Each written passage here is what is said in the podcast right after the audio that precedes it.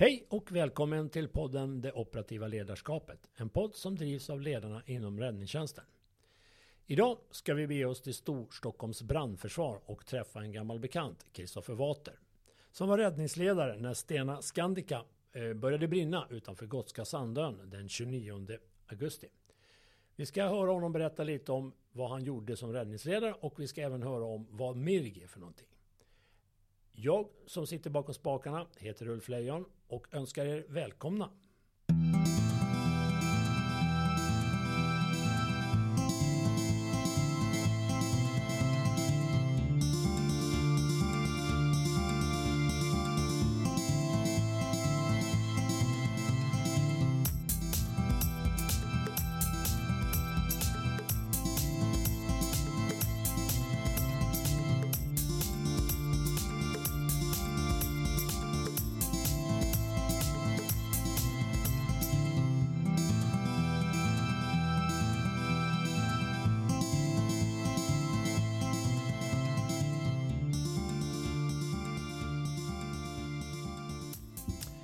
Hej Kristoffer, välkommen! Tack!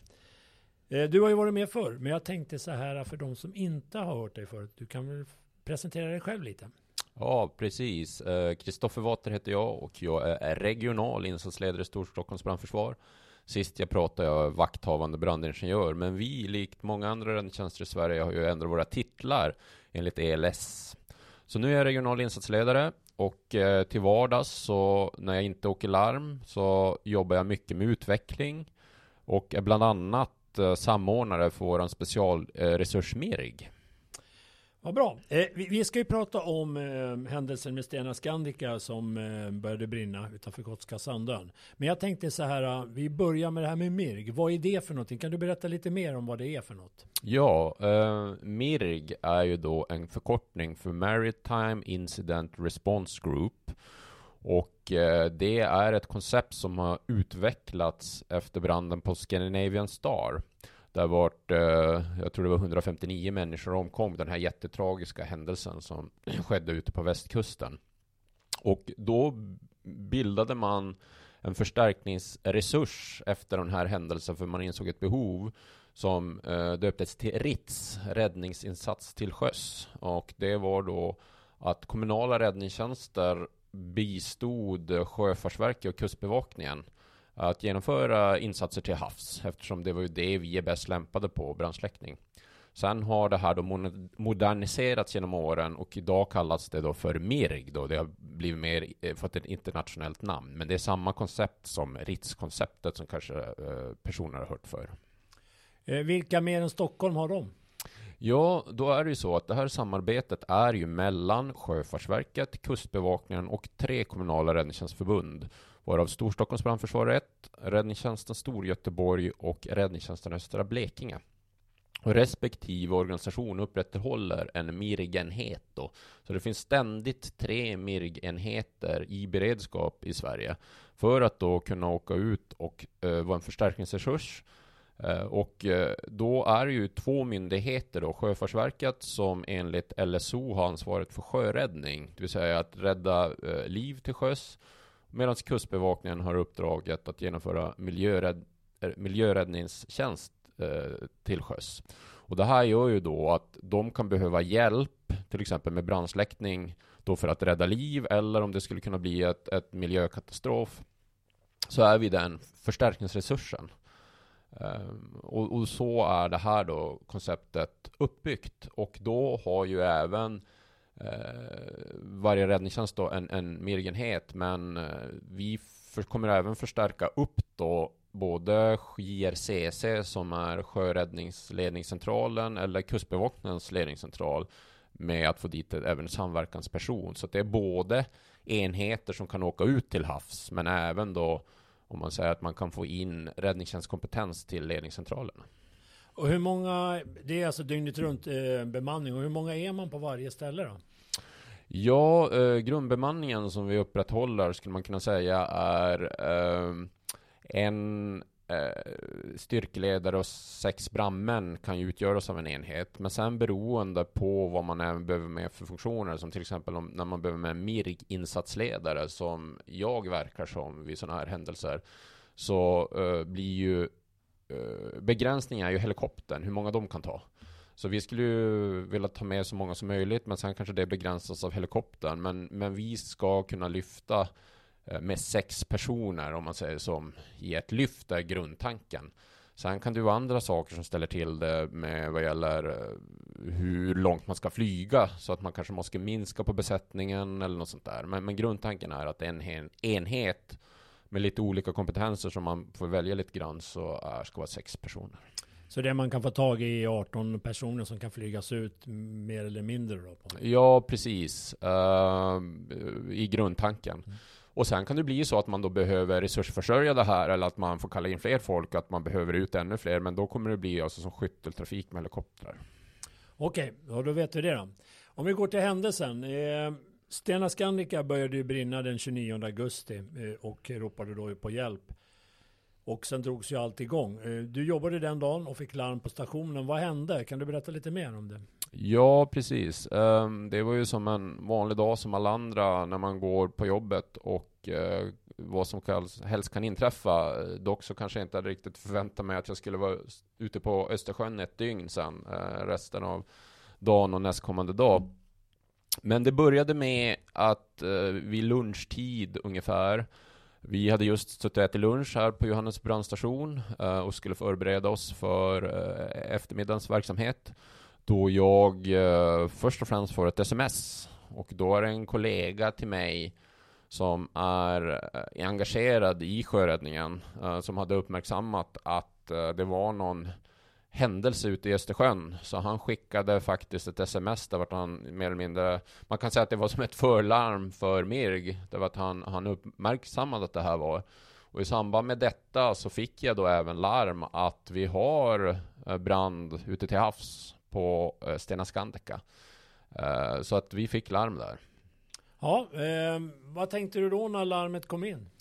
Ja, eh, först så tänkte jag okej, okay, vad är det här nu då? Vi har ett ganska stort skepp. Uh, började samla information, uh, fick reda på att det var eh, 300 personer om, om, på fartyget då, eller egentligen 299 personer var ombord och att det brann på fordonsdäck. Uh, och att det var någon form av lastbil med, som brann där. Det var vi, vad vi fick initialt och att vi eh, behövde gå upp till Norrtälje. Eh, för när vi åker ut på MIRG-händelse så är det ju antingen då helikoptertransport eller båttransport. Eller både och, att man kanske flyger till en båt och sen fortsätter mot händelsen beroende på hur långt ut det är. Och i det här fallet så skulle vi gå upp till helikopterbasen som ligger i Norrtälje. Eh, för eh, själva räddningshelikoptern från eh, Sjöfartsverket, de var ute på ett annat uppdrag. De var ute på ett övningsuppdrag tillsammans med Sjöräddningssällskapet. Och de behöver, när de ska genomföra ett MIRG-uppdrag utrusta och bygga om helikoptern. För att helikoptern kan genomföra flera olika uppdrag, men då behöver man bestycka helikoptern på lite olika sätt. Och i det här fallet behövde de flyga från övningsplatsen till Norrtälje och bygga om helikoptern. Och i syfte att tjäna lite tid då istället för att de som skulle åka dit och sen mot Stockholm så var tanken att vi skulle börja rulla direkt mot Norrtälje. Vilket vi gjorde då. Och i vårat fall, då larmades jag som insatsledare och så larmades även Katarina som då, och Farsta brandstationer. För det är Katarina brandstation och Farsta brandstation som ut, tillsammans med Johannes brandstation som utgör den här mergstyrkan då.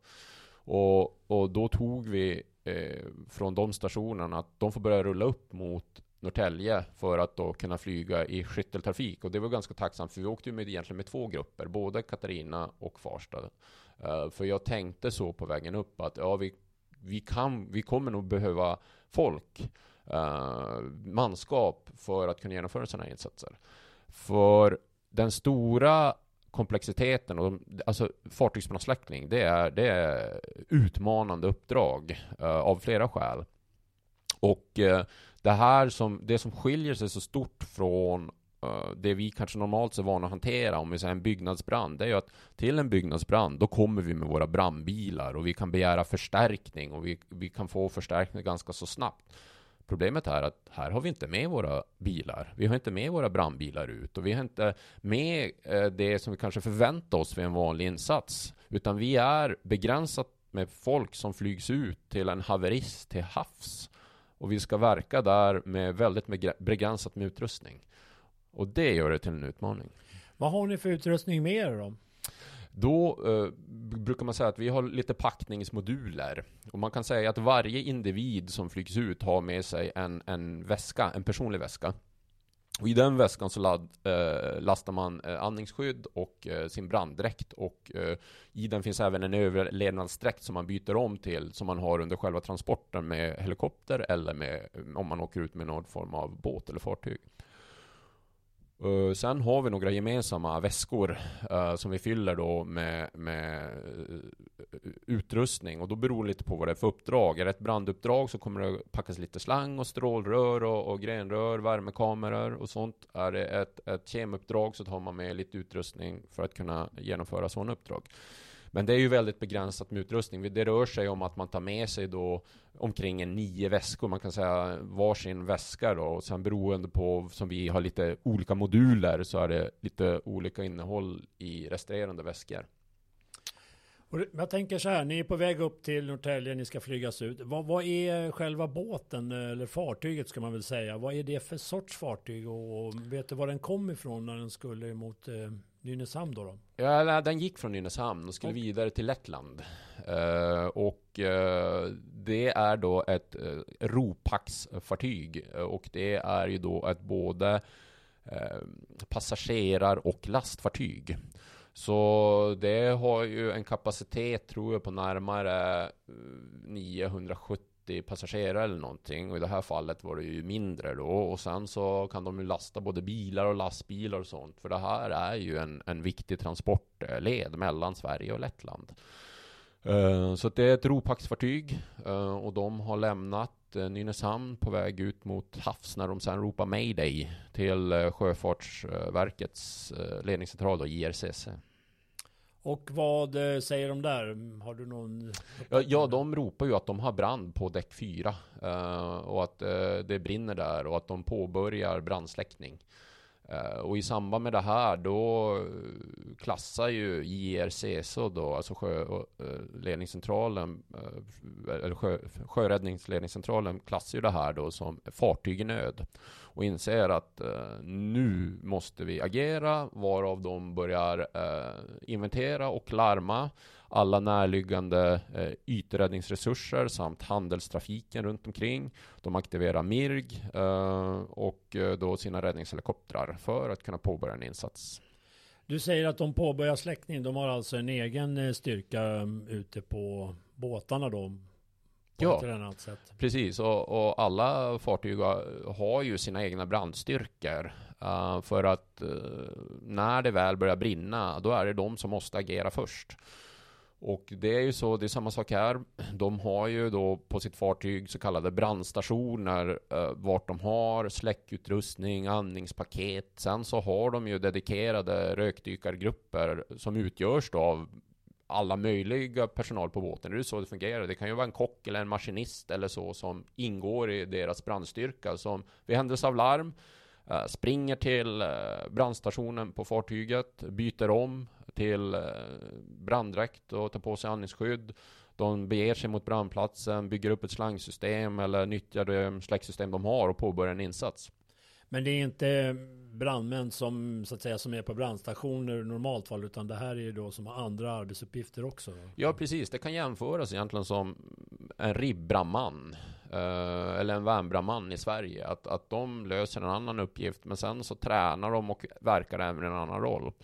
Och det är ju då för att rädda sin eget fartyg och, och rädda sig själva och eh, besättningarna. Och det skedde ju i det här fallet att de påbörjade brandsläckning och nu brann det på fordonsdäck så då aktiverar de ju även fartygets släcksystem, ett drenchersystem, det vill säga en, en, en sprinkler. Och så gick de på med sina rökdykare och började kämpa mot en, en fullt utvecklad eh, brand i en, en lastbil med trailer. Okej, okay, och då lär det väl vara lite fart på det hela så att säga då när man säger. Men hur lång tid tar det? Man tänker så här Eh, ni åker till, härifrån till Norrtälje, det är körsträcka och sen ska ni flygas ut också. Det är mm. ju en bit ut. Hur lång tid tog det innan ni ja, kom fram till själva båten? Ja, uh, nu, jag kommer ihåg, det var någonting sådär, jag tror vi fick larmet 10 i 1 ungefär. Uh, om det var 12.48 eller något sånt där. Uh, sen åkte vi upp till Norrtälje. Eh, vi kommer upp till Norrtälje och där får ju vi först att eh, det blir ju alltid en beräkning av befälhavaren på helikoptern. Hur långt kan vi flyga och hur mycket bränsle behöver vi och vad ska vi lösa för uppgift? Och i det här fallet fick vi redan på vägen upp att uh, i första svängen kan vi bara flyga ut fyra stycken. Uh, mot normalt sex. Uh, och det berodde på att eh, räckvidder och hur länge de ska kunna verka och bredduppdrag och sånt där. De, de gör ju en planering. Så att eh, redan där fick vi ju gå lite ner i antal. Ehm, men uh, vi gjorde oss klara där och uh, tog oss in i helikoptern. Uh, jag började prata med samverkanspersoner från JRCC och så lyfte vi. Och själva flygningen ut till haverist skulle ta omkring en halvtimme och vi anlände mot haveristen just innan 15 då på eftermiddagen jag vinschas ner eh, från helikoptern 15, eh, så vi kom strax före dit. Hur var vädret när det här hände? Då? Uh, det var uh, ganska kraftig sjö. Vi hade vindbyar på 18 till 20 meter per sekund. Uh, och när vi går ut så fick vi initialt uppgifter om att vi skulle landa, men på vägen ut så får vi att nej, vi kommer inte kunna landa på Everest, utan ni kommer få vinschas ner. Um, så att när vi kommer på plats så uh, går ytbärgaren ner först och sen är jag uh, första från MIRG-styrkan då som vinschas ner till Everesten. Och hur kändes det då när du står där ute när det är blåser och det är sjögång och du vet att du ska vinschas ner på ett skepp som brinner också då? Ja, precis. Vi hade ju uppgifter då om att det brann och vi hade sjö. Eh, men eh, vi var väldigt eh, motiverade för uppgiften och flög ut med att vi ska göra allt vi kan för att begränsa eller släcka bränden och hjälpa haveristen och besättningen på plats då. För vi kom ut som en förstärkningsresurs. Eh, vi är ju en förstärkning till fartygets egna styrka och kunna hjälpa dem. Eh, men vi vinschades ner där.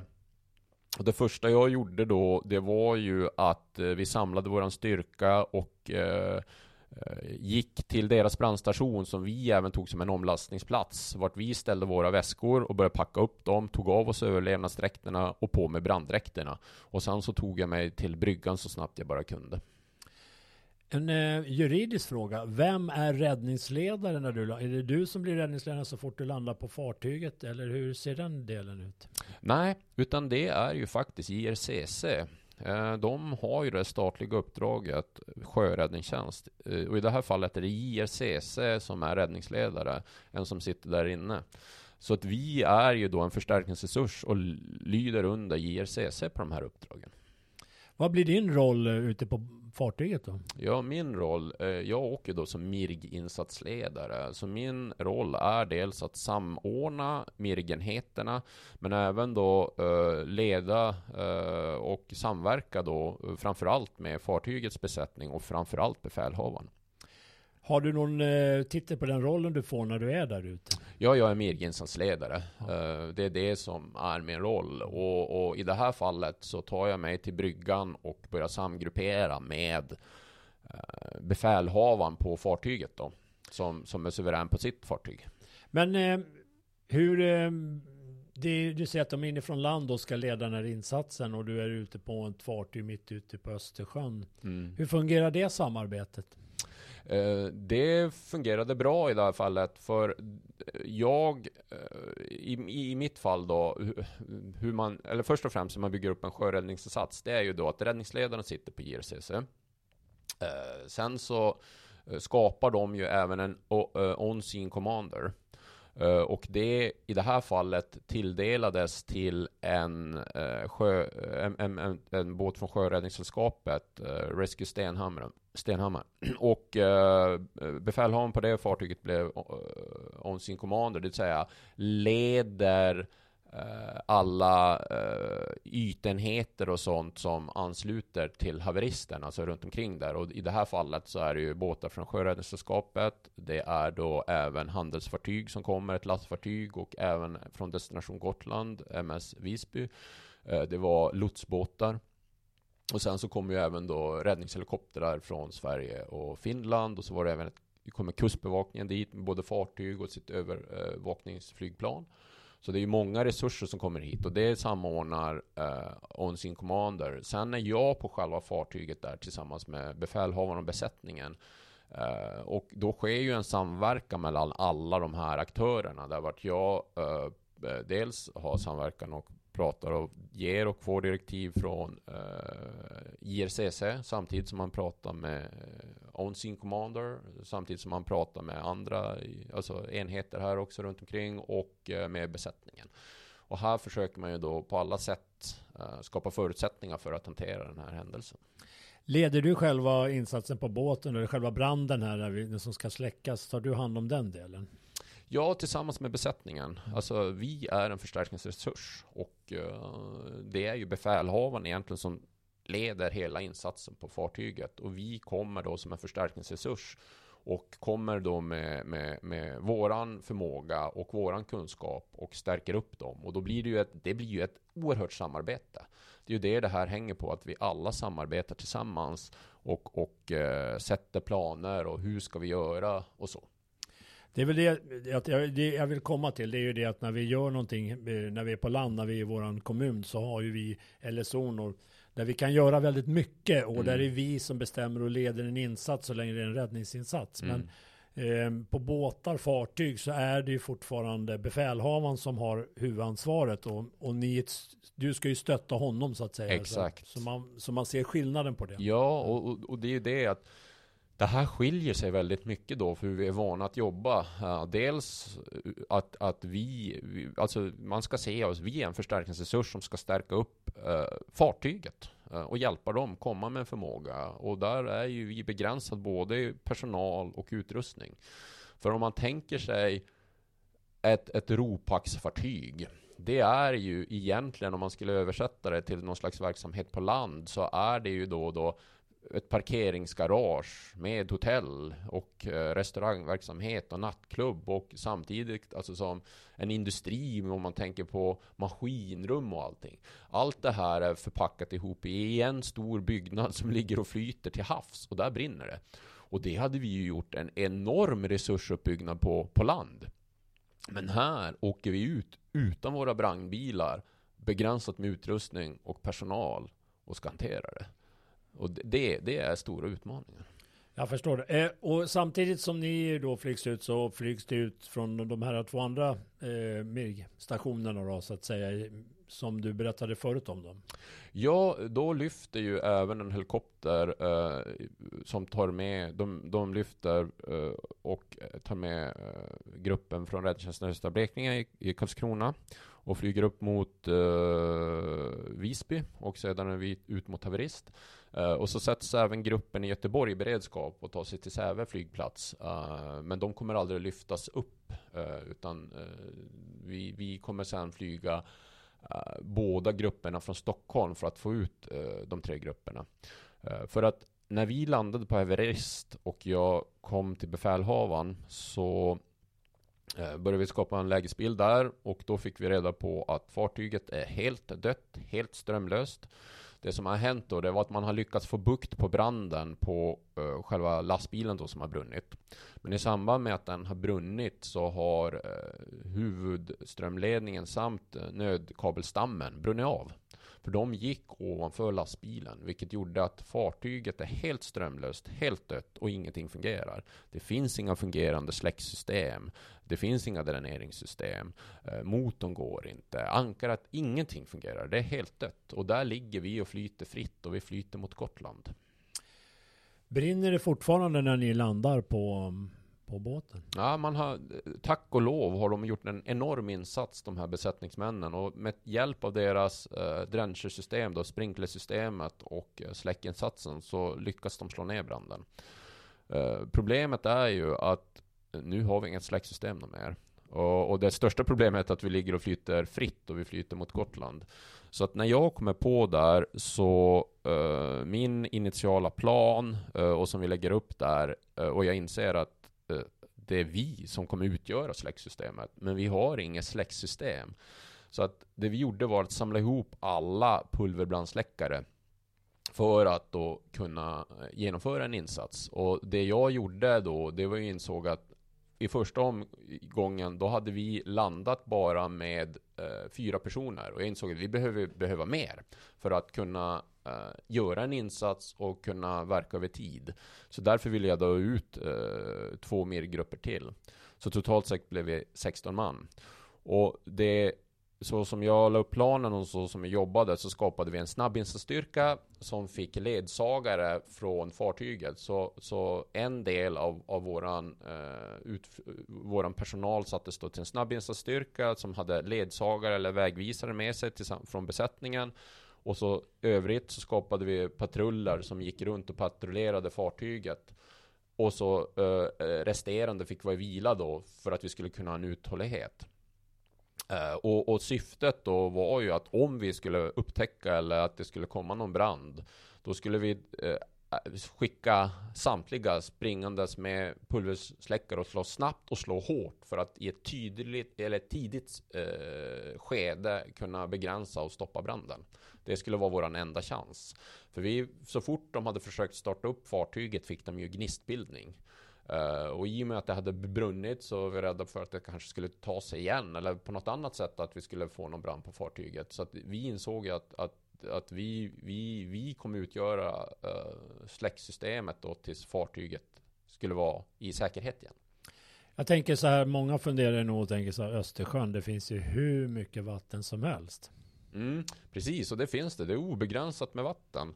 Men när man inte har några brandpumpar som kan få upp vattnet eller fungera så blir det verkningslöst. Uh, och i det här fallet hade vi ingenting. Vi, vi, vi, vi stod helt utan släcksystem.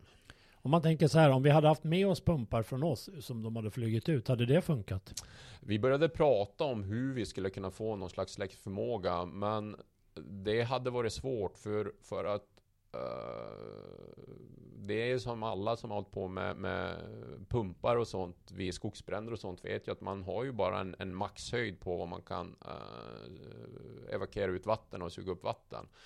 Och i det här fallet så finns det inga slangar som är så långa. Uh, och då kanske man tänker sig att man skulle kunna öppna någon lotsport eller sånt. Men, men med den sjön som var och uh, att fartyget var strömlöst så skulle vi inte kunna få till den försörjningen på något bra sätt. Så ni, det, det, helt enkelt så det gick inte att få upp vatten även om ni har massor runt omkring er? Alltså. Nej, det hade varit svårt. Möjligtvis hade det ju varit då om man på något sätt från något eh, angränsande fartyg men nu var sjön så svår och sånt och att då uh, uh, bygga något slangsystem mellan fartyg i den här sjön, det, nej, det var för svårt helt enkelt. Och sen ska man göra klart för sig att vi har ju inte med oss pumpar utan det bygger ju på att skepparna själva har pumpar. Ja, precis. Um, så att nej, det var svårt. Eh, vi, vi insåg där i ett tidigt skede att uh, släcksystemet, det är vi själva, våra brandmän med handbrandsläckare. Eh, och då vet ju alla som har jobbat med brandbekämpning att får man en omfattande brand så räcker inte en handbrandsläckare så länge. Och därför måste vi med alla gubbar vi bara har så snabbt som möjligt slå med allt vi har för att slå ner eller dämpa branden och sen försöka stänga in och, och så. Eh, så. Så det var som den initiala planen. Var hade du din ledningsplats? Min eh, ledningsplats etablerade jag uppe på bryggan och eh, där befann jag mig i stort sett ett helt dygn. Eh, från att vi landade tills vi sedermera sen kom i säkerhet i en, hamn så befann jag mig på bryggan. Du samarbetade med befälhavaren. Vad var nationaliteten på besättningen? Jag tänkte på språket nu i första hand. Precis, och det var ju en lettisk besättning. Uh, och uh, det vi kommunicerade på, det var ju på engelska, jag och befälhavaren och, och uh, besättningen. Funkar det bra? Ja, men det fungerade. Det, det fungerade. Det fungerade bra. Um, sen så Eh, det blev ju, alltså det här blev ju en ganska omfattande sjöräddningsinsats. Det stora problemet var ju att vi var strömlösa och vi drev mot Gotland. Och, eh, eh, och, och, under den här insatsen så blev jag samverkansperson eh, mellan eh, JRCC och eh, Owns Commander och alla ytenheter. Så jag eh, skötte som sambandet och höll på att prata samtidigt då med IRCC och samverkanspersonen där och hon sin commander och ibland med helikopterbesättningar och sånt där. Och där underlättades det ju av att där pratade vi ju svenska med varandra. Uh, eh, och det blev som helt naturligt att jag uh, tog fartygets VOF och deras radio och skötte det samtidigt som jag hade eh, uh, rakelsamband med IRCC. Så att det, det var ju växla hela tiden engelska med besättningen och sen pratade ju svenska då med alla samverkansaktörer. Och jag tänker så här att nu är ju insatsen igång och eh, de rökdykarna har ju sitt befäl med som sköter den delen. Men det var ju strömlöst som du säger, mm. inga maskiner som funkar. Och man började ju driva mot Gotland och, mm. då, alltså man driver helt utan styrning. Mm. Eh, berätta lite om eh, upplevelsen där, för det var ju ganska mycket folk ombord på det här, på det här fartyget. Ja, precis. Och då hade, eh, när vi, när vi eh, vinschas ner på fartyget, då har ju besättningen säkrat passagerarna. Så de sitter i en, ja, i en restaurang då på, på fartyget. Där är de samlade allihopa. Men vi driver ju, vi driver fritt. Och, och där börjar vi ju alla inse att fartyget måste ju säkras på något sätt innan vi skulle slå i Gotland. Eh, så därför så börjar man ju förbereda en, en bärgningsinsats. Men eh, det finns ju inget boxeringsfartyg i närheten. Så det är ju ett boxeringsfartyg som går ut från Nynäshamn. Men det kommer ju ta tid innan det är på plats. Eh, och i samband med det här så fortsätter vi ju driva. Och samtidigt som vi har en dialog med eh, On-Scene Commander och vi börjar prata om hur vi ska förbereda boxeringen med att skjuta över linpistoler och sen kunna koppla eh, vajrar och sånt så börjar vi ju inse att det här uh, boxeringsfartyget som är på väg kanske inte kommer hinna i tid. Så samtidigt börjar vi på fartyget då förbereda för hur ska vi evakuera passagerarna? Uh, och uh, vi började titta på alternativ och ett alternativ som inte inte gillades av någon av oss, det var ju om vi skulle behöva sänka livbåtarna. Med tanke på den sjö och så vi hade, så kändes det inte alls tryggt att behöva eh, eh, eh, lasta livbåtarna med massa passagerare och sen ut på Östersjön. Så att då började det förberedas och det påbörjades en helikopterevakuering av passagerare. Och situationen här, det, den är ju mer än allvarlig nu. Det, det, är, det är ju nästan ett nödläge ombord. Hur eh, var passagerarnas, eh, hur mådde de och hur, hur var stämningen? Passagerarna satt i restaurangen och var ganska lugna. Eh, de omhändertogs av besättningen och fick lite mat där och förtära och informerades av besättningen. Det flögs ju även ut eh, lite senare då eh, på kvällen där en eh, befälhavare från Kustbevakningen som är expert på boxering. Och det var väldigt tacksamt att också få upp han på bryggan. Då fortsatte jag att hantera eh, våra brandgrupper och eh, MIRG-styrkan då hjälpte ju även till med evakuering. Vi hjälpte ju till på helikopterplattorna då att få ut eh, då passagerare dit och sen att de kunde vinschas upp i helikoptern då tillsammans där med ytbärgaren som hade gått ner från helikoptern. Um, så att de började uh, vinschas upp och när då uh, be befälhavaren då, boxeringsexperten från Kustbevakningen kom ut så började vi ju alla då att, att räkna och titta på sjökorten och det. Och uh, det han såg då och sa det är att vi kommer slå hårt i Gotland, vart det är en väldigt hård kust och vart det eh, blir det är ganska gru eller det är ju grunt precis var vi slår in men sen är det, blir det djupt väldigt fort där. Så att eh, det man var rädd för, det är ju att vi skulle slå hårt i kusten, välta med fartyget då och sen gå ner djupt eh, med risk för att sjunka. Och eh, det här började ju då, eh, hade ju uppmärksammat, så då hade ju även räddningsstyrkor på Gotland larmats. Så de stod ju på land eh, med räddningsstyrkor och Röda Korset och eh, regionen med sjukvårdsresurser. Så de, de började förbereda, vad ska vi göra om fartyget dels eh, går på grund och slår i vattnet? Hur ska vi kunna rädda personer då? Hur ska vi omhänderta passagerare? Och samtidigt behövde de också börja fundera, vad, vad, gör vi om vi får ett jättestort oljepåslag här? Om man då skulle slå hål i skrovet eller så. Jag tänker så här, om man nu väljer att börja evakuera folk via helikopter och vincha, då ser man ganska allvarligt på det här läget att det kan gå på grund av dem. Ja, exakt. Och, och vi började ju vi hade ju börjat sätta att vi måste sätta en deadline på när vi ska eh, börja evakuera passagerare och den deadlinen nådde vi. Det var därför vi då började evakuera passagerare och börja lyfta dem med helikoptrar. Och då var flera svenska räddningshelikoptrar eh, involverade. Det kom även en finsk räddningshelikopter. Och så började eh, Sjöfartsverket, IRCC, då larma ännu fler helikoptrar från Danmark och från Norge. Så man höll på att förbereda fler, om man säger som eh, eh andra vå vågen då med, med helikoptrar då för att börja lyfta passagerare. Och vårt nästa steg var ju då att även att, att främst ta dem med helikopter, men, men skulle det bli ännu mer tidskritiskt då hade vi fått uh, sätta igång livbåtarna. Hur är din puls i det här läget och hur eh, stressad är du i den här situationen? Du har en brandsläckning som pågår. Du ska också tänka på det här, även om det finns fler, men det ingår ju också i din arbetsuppgift att fundera på hur vi ska lösa det här nu då. På. Ja, um, jag kände mig eh, ändå ganska så trygg. Jag var nog ändå ganska så lugn där ute och tillsammans med besättningen så, så men det var ju väldigt mycket som hände samtidigt och vi mycket fundera på, särskilt när vi även började se land. Uh, så, så det var ju mycket där, det hände så mycket och, och vi höll på där lägga upp våra planer hur vi skulle hantera det här.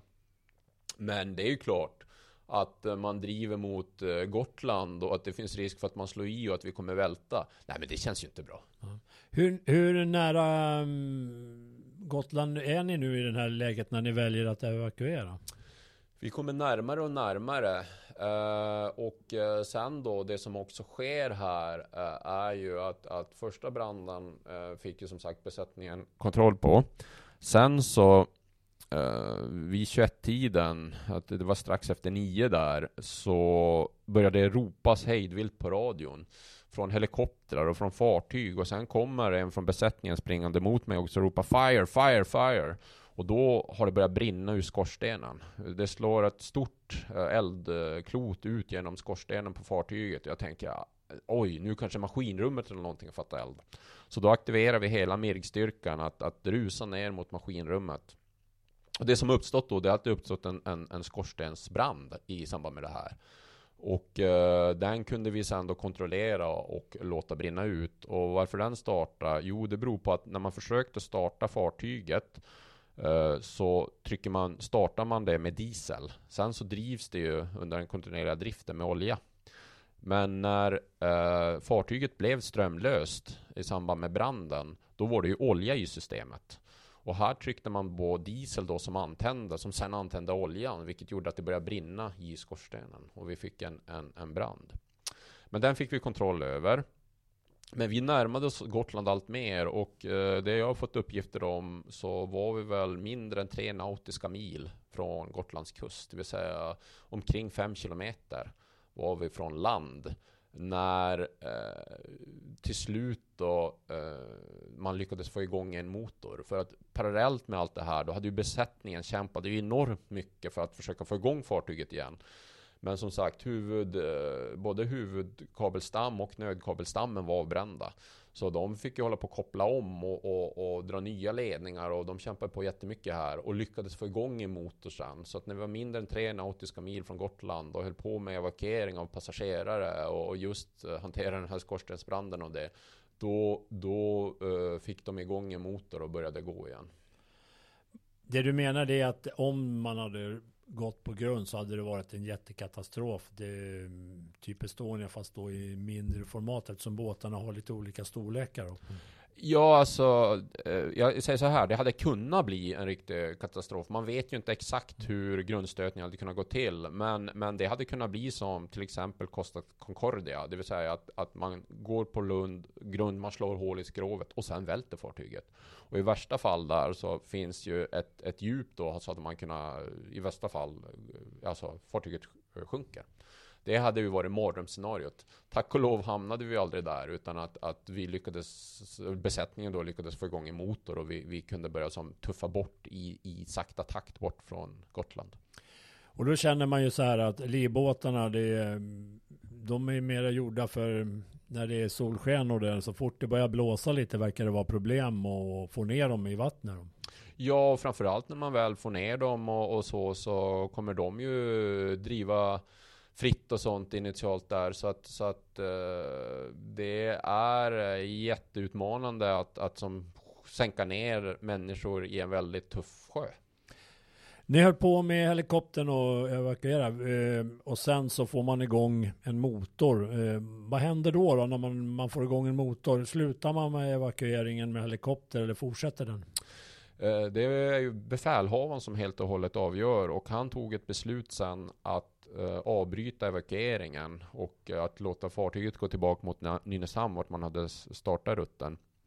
För det ska man ju också komma ihåg att, att bedriva en evakuering med passagerare i den här väderleken är ju också väldigt riskfyllt.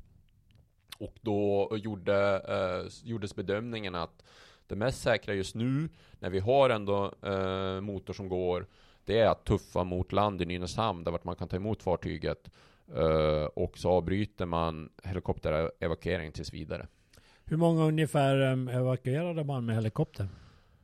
Eh, jag har inte exakta siffror, men jag kan tänka mig att det var ett 30-tal som man lyfte. Jag tror det var det. Mm. Ja, det är ju inte exakta vi nej, behöver, men det, men, men det var en del som ja, eh, precis. evakuerades. Man började flyga ett antal uh, flygningar. Och det jag har fått berätta till mig i efterhand så var det här oerhört tuffa flygningar. För då flög de ju vinschade upp uh, passagerarna och sen skulle de, åkte de och landade på MS Visby som låg alldeles bredvid och det var väldigt tuffa landningar i den här väderleken och, och blåsten och, och så.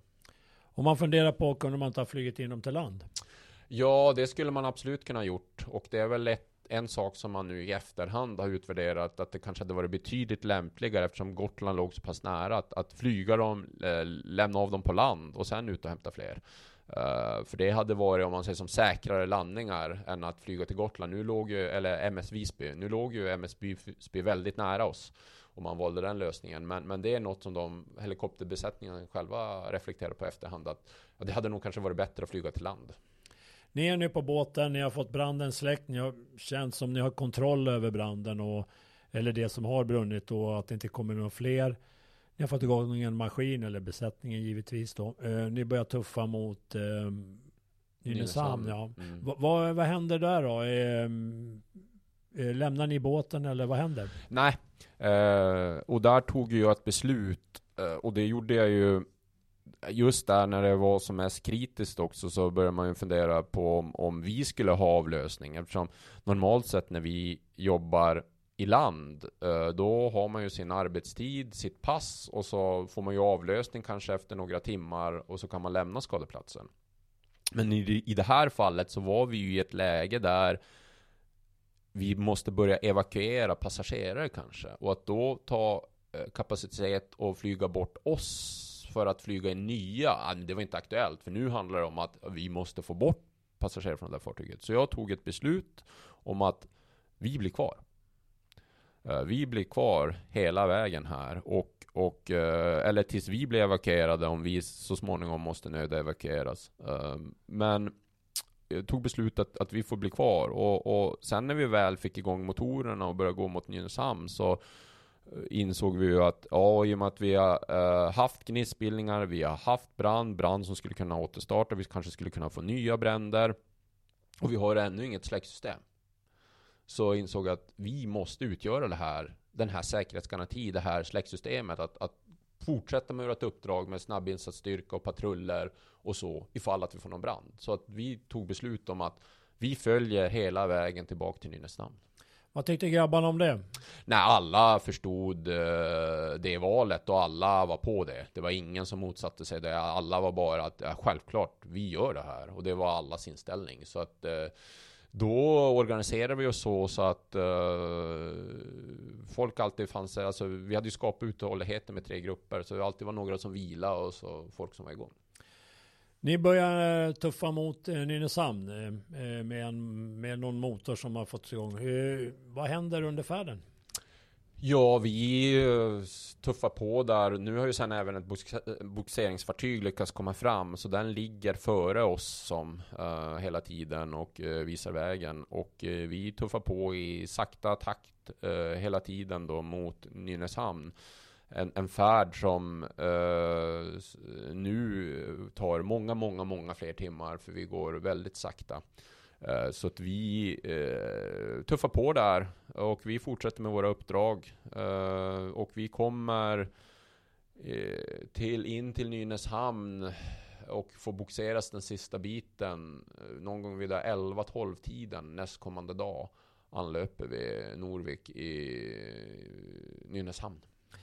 Funkar det bra när man hade fått igång mot, mot motorn, eller motorn rättare sagt, man fick igång igen? Eller ja, hände man, det någonting på vägen? Ja, man fick igång andra motorn också sen. Uh, men vi drev ju, vi åkte ju, det gick ju en oerhört sakta färd, men, men den tuffade på hela tiden.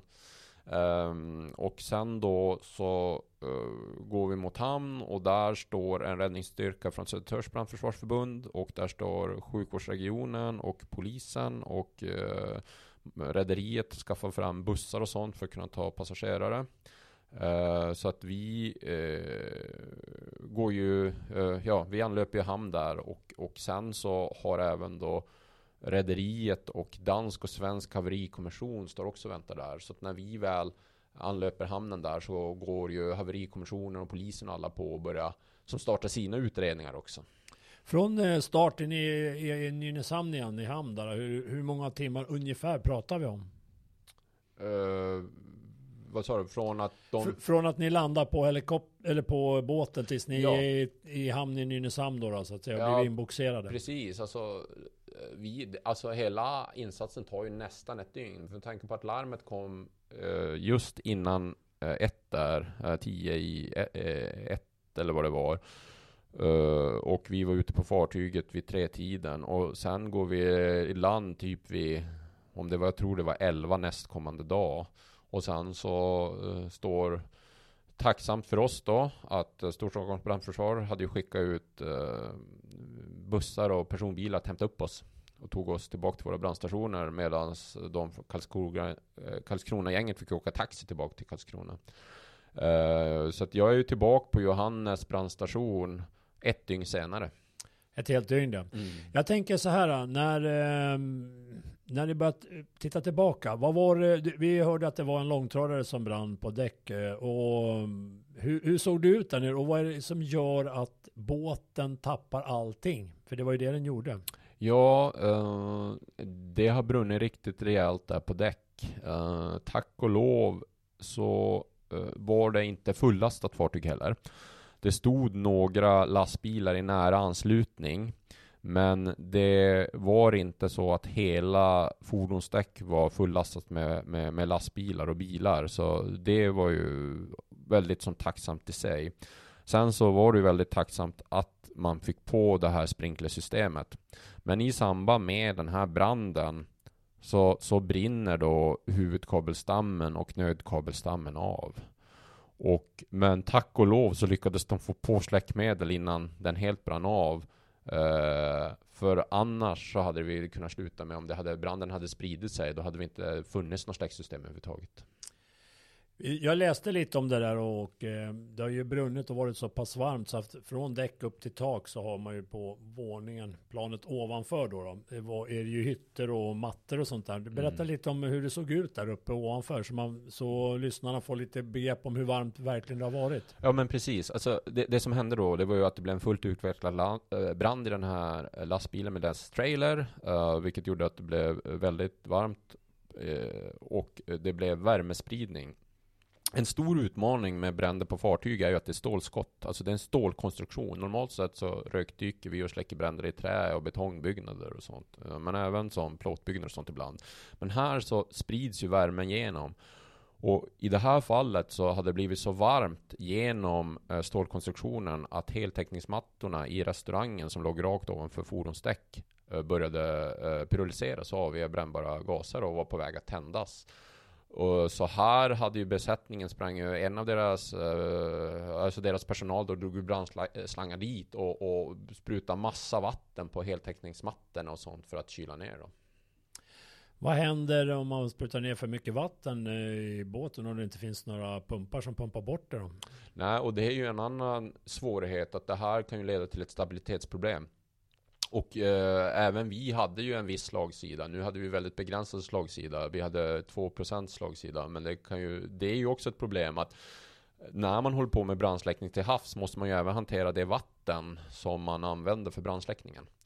Uh, och problemet i det här fallet var ju att nu de dräneringssystem uh, och sånt var utslagna också. Uh, så att, så att, men det är ett problem. stabilitetsproblemet kan bli ett stort problem vid brandsläckning till havs. En fråga som nästa kommer då. Eh, var det någon som skadade sig? Eh, eh, som du vet om generellt? Nej, jag har inga uppgifter eller så att någon skadade sig. Vad jag vet. Och det var ju väldigt tacksamt. Så att så sätt gick det ju väldigt bra. Om man eh, reflekterar tillbaka, nu, nu har det ju gått ett tag, nu har du haft en möjlighet att fundera lite. Du, jag vet ju också att du har föreläst lite om den här eh, branden som har varit. Är det något så här tips och råd du kan ge till eh, lyssnarna, till de som jobbar inom räddningstjänsten och är eh, räddningsledare, som man kan ta med sig eh, generellt? Uh, ja, alltså fartygsbrandsläckning är ju väldigt uh, det är väldigt utmanande. Det är svåra uppdrag. Um, och eh, skulle det bli någon form av, av uh, brandsläckning till havs kommer ju dels MERG-styrkorna uh, uh, aktiveras. Men det är ju så, man kan även få fartygsbrandsläckning till kaj. Och då är det ett kommunalt räddningsuppdrag. Och där gäller då att man förbereder sina räddningstjänster. Att fundera på vad har vi för hamnar? Vad har vi för förmåga och möjlighet? Och att inventera sina räddningstjänster och ta fram insatsplaner och förbereda sig för att det här har hänt och kommer förmodligen att hända igen. Och eh, att, att även om det är en insats till, till kaj, att man kanske tar hjälp av eh, MIRG-styrkorna för de uppdragen.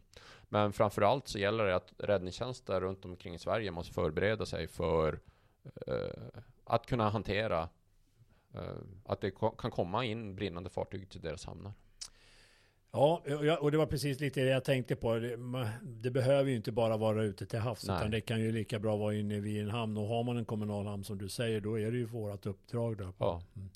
Eh, vi kan ju alltid ställa frågan då, för det är ju inte eh, hur man än vänder och Är det någonting du skulle ha gjort annorlunda eh, om du liksom funderar lite sådär, eh, ja ah, men det här borde jag nog ha gjort så här istället. Eh, det är jättesvårt när man är där ute och står man, eh, att göra allting rätt hela tiden. Man gör ju så gott man kan, det gör ju alla hela tiden, men det gör man ju oftast bra. Men det finns väl, oftast finns det väl någonting som man kanske kommer på efteråt att ja, det här kanske jag ska ta med mig till nästa gång. Ja, och en sak. Vi håller fortfarande på att utvärdera mycket av den här händelsen och eh, titta just på hela MERG-verksamheten. Men en sak som verkligen slog oss, um, det är ju att vi kan bli kvar på fartyg länge. Uh, vilket gör att vi kanske måste vara förberedda mer på framförallt då att ha med sig uh, utrustning för längre uthållighet vad gäller till exempel batterier Eh, powerbanks eh, för att kunna ladda kanske telefoner om man har telefontäckning. Uh, måste ha, I det här fallet så fanns det ju till viss del, eller det fanns ju förnödenheter på fartyget. Men det är sånt här vi verkligen funderar på. Att, att vi måste fundera på den redan begränsade utrustningen vi har. Kanske vi måste skapa utrymme i packningen och ta bort vissa delar för att skapa möjlighet till en längre uthållighet. Framförallt vad gäller kommunikation och, och sånt. Uh, visst, man kanske kan flyga ut mer utrustning efterhand, men, men i det här fallet så blev vi ju kvar kanske längre än vad vi förväntade oss. Uh, så att just det här med uthålligheten var ju något som vi verkligen funderade på efteråt och nu börjar planera för hur det ska gå till. Och jag tänker på luft och sånt där till landningsapparater. Finns det med massor? Hur mycket får ni mer när ni flyger ut? Det är, ja, det är ett paket per, per uh, individ. Och det är ju begränsat. Och det är ju vad vi har spelat med. Och det är ju samma sak där. Där hade man ju behövt skapa då en, en resursförsörjning på hur man ska eh, försörja med fler paket. Och uh, sen om man tänker på lång sikt här och att, att utveckla verksamheten mer. Uh, man kanske ska ha alternativa luftpaket. Uh, det är något som jag bara börjar fundera på och där är vi inte alls än, men, men det är bara en tanke jag haft. Kanske man ska ha alltså, syrgassystem vart man får längre räckvidder och så som man kanske har i andra länder. Men, men det här är bara mest tankar jag har haft och vi måste verkligen fundera på uh, hur vi kan förbättra förmågan för MIRG. Och jag tänker så här, det här är ju en händelse som eh, kunde slutat och var väldigt nära att sluta en ganska stor katastrof. Men efter omständigheterna gick det ju bra. Mm. Eh, och ni lyckades ju göra det ni skulle göra och, och komma i hamn. Och framförallt eh, eh, Ingen människa omkom ju och inga svåra skador. Det kanske finns några lättare skador som vi inte vet om. Men, men det har ju ändå lyckats ganska bra. Hur, mm. Är det någonting annat du skulle vilja förmedla nu när du har möjligheten när du sitter här? Ja, och det är ju alltså framförallt till alla räddningstjänster, men också alltså som för oss inom MERIG. Och, och, och, det är att det här är oerhört utmanande insatser som bygger på ett oerhört samarbete mellan eh, dels besättningen och oss, men även då alla andra hjälpaktörer och så. Så att det här är en insats som man måste lösa tillsammans med andra. Och så kommer det även vara om vi hamnar vid fartygsbrandsläckning vid kaj. Då kommer vi vara helt beroende av besättningen som har kännedomen om sitt skepp. Så att uh, man måste vara oerhört samarbetsvillig uh, vid sådana här insatser. Att, att vi löser det här tillsammans med alla andra. Har ni samlats, eh, ni, er, det gänget som var ute och diskuterade lite efteråt om det var, hur, hur man kände det där? Man, man åker ute på en båt som är helt strömlös, det finns inga motorer, man är, driver omkring och det är en fara för er. Eh, har man diskuterat därefter någonting? Har ni någon som har sagt någonting eller kör alla på precis som vanligt att vi, vi, vi kör på så länge det finns en olycka som vi ska ta hand om? Ja, vi kör, I det fallet körde vi bara på, men nu i efterhand så har vi ju eh, börjat utvärdera den här. Eh, dels har ju jag, eh, har vi eh, alla som var med och eh, fått samla sina erfarenheter och vi har samlat in dem. Sen har vi genomfört, här bara för no några veckor sedan, genomförde vi omfattande insatsövningar för alla, alla lag då inom MIRG-verksamheten inom Stockholm tillsammans med Kustbevakningen vart vi övade fartygsbrandsläckning. Så att, och, och just nu så håller, och sen alla aktörer som var involverade i den här händelsen har vi genomfört en after action review efterhand. Så just nu, efter den här händelsen, så håller vi på att samla in massa eh, utvärderingsunderlag och så ska vi göra analys på det och, och se eh, vad vi kan utveckla och förbättra gällande den här verksamheten. Så att, så att det har varit väldigt mycket utvärdering faktiskt efter den här händelsen. Jag tänker så här, ur ledningssynpunkt, eftersom det är det vi i grunden pratar om då, det är ju det det handlar om. Saknade du någonting ur ledningssynpunkt? Skulle du väl ha haft mer eh, personal till den delen? När vi, när vi jobbar på land så är det lite lättare att få det. Vi har ju normalt i Storstockholm så åker vi med en eh, insatsledare och en eh, RIL på större, alltså en regional insatsledare på större insatser. Vi kan även få FRYL, alltså förstärkt yttre ledning. Är det någonting sånt där du skulle jag vilja haft när du var där ute när det var som mest att göra? Men alltså alltid när man är på händelser så underlättas det ju om man kan eh, bygga eh, större ledningsorganisationer. Den stora utmaningen här är att det är så begränsat med möjligheter att få ut eh, ledningsresurser. Men, men det, det är ju sånt man eh, också måste fundera på i framtiden om man på något sätt kan få ut mer kapacitet. Eh, det jag har funderat på det är ju att man på något sätt kanske skulle ha, ha förberett olika förmågor man behöver ut. Att kanske MIRG-verksamheten ska involvera eh, andra kanske expertgrupper eller något sånt där. Att, att, att man snabbare kanske kan få hjälp eller att man kanske ska ha eh, ledningsstöd i form av eh, kanske alltså, eh, satellittelefoner eller där man kanske kan skicka data så att man snabbt kan bli upplänkad till exempel mot en fartygsinspektör, eh, mot eh, bärgningsexperter eller så. Och, och, fundera på det här också hur man skulle kunna bygga upp en ledningskapacitet och kanske få ut eh, mer förmåga. Ja, vad bra. Eh, har du något mer att tillägga? Uh, nej, inte just nu, mer än att det här är komplexa insatser där det krävs mycket samarbete för att hantera det. Då får vi tacka dig Kristoffer och uh, vi kan, kommer säkert att höras framöver. Ja, tack så mycket. Tack. tack. Hej. Tack för att ni har lyssnat på podden Det operativa ledarskapet. Tipsa gärna era kollegor om podden. Så hörs vi vidare med nästa avsnitt som kommer framöver. Ha det bra så länge. Hej då!